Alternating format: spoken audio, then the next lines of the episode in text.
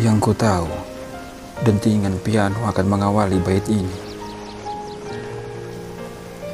Lalu aku mendengar mereka bersabda bahwa tulisan adalah bentuk lain dari hati. Maka baiklah, kali ini akan kuizinkan hati yang mendominasi. Agar kita bisa melihat siapa yang sebenarnya lari bersembunyi setelah menyakiti dan siapa yang dibodohi oleh sensasi imajinasi.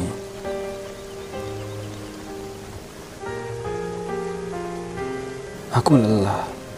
Lagi-lagi kata dulu yang akan kau temui dalam resah yang terbatas.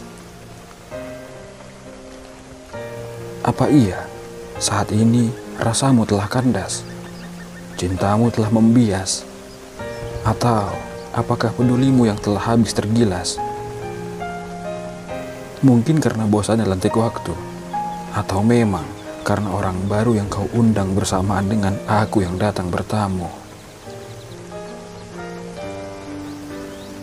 Kepalaku memuntahkan rapalan rindu yang terjilat semu. Bahkan kata harap tak lagi mampu menuntunku menjumpai temu.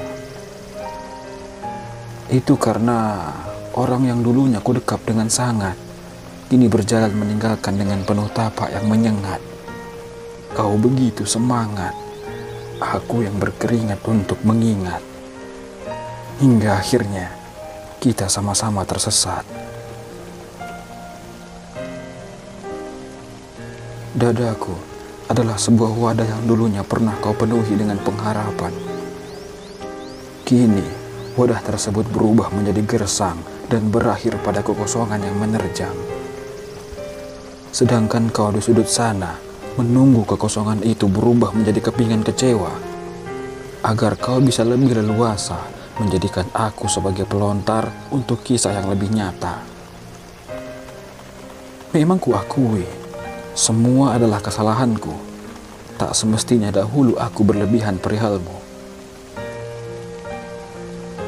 Aku tak bisa hidup tanpamu. Itu adalah mantra ajaib yang telah merenggut seluruhku. Hingga tak ada lagi yang tersisa. Sampai pada akhirnya, lagi, lagi dan lagi, aku terjebak dalam dimensi semu yang mengeja namaku sebagai pendahulu. Walau kini kau telah sirna dari mata hingga lini masa, tetapi kau selalu ada dan betah mengerayangi seisi kepala. Sebegitu hebatnya kau ikut campur dalam genangan-kenangan yang mengecup rongga dadaku. Kau tahu bagaimana rasanya sendiri di tengah keramaian.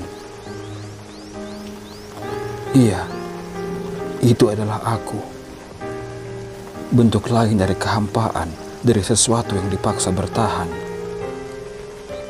Lalu pada akhirnya dipukul mundur oleh kehilangan yang sudah menjadi bagian.